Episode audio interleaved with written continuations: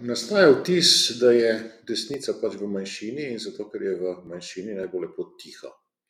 In tale kratek zapis je o tem, kako ta pluralizem samoupravnih interesov vidi Levica. Namreč včeraj so, pravzaprav danes so ponosno tvitnili, da desni tabor stalno prešteva tako imenovane desne in leve novinarje, nato toži, kako so namreč desni novinarji v manjšini in terja nekakšno veliko uravnoteženje.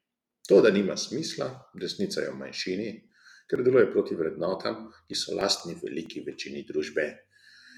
In pač ne. In svoboda informacij je ena od njih. Zdaj, tole se mi zdi cinično in pijano od oblasti.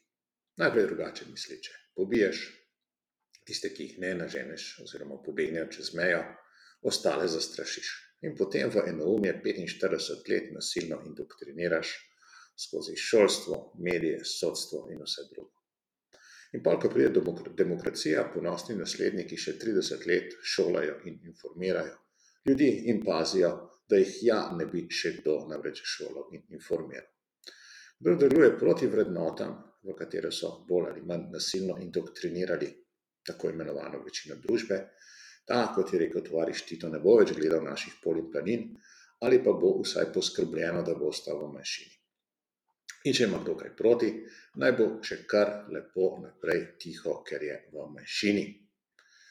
Sicer so pa oni drugi, ne, za svobodo informacij. So figo za svobodo. So za svobodo zase in za onemogočanje vseh drugih. Za onemogočanje vokali. Ker ni dovolj, če velika večina ne opazi, da je cesar gol. Problem je en sam glas, ki se oglasi s tem podatkom. Za tiste je problem, ki imajo golega cesarja. Zato taka bolestna želja po totalnem monopolu, ki je desnemu taboru povsem tuja.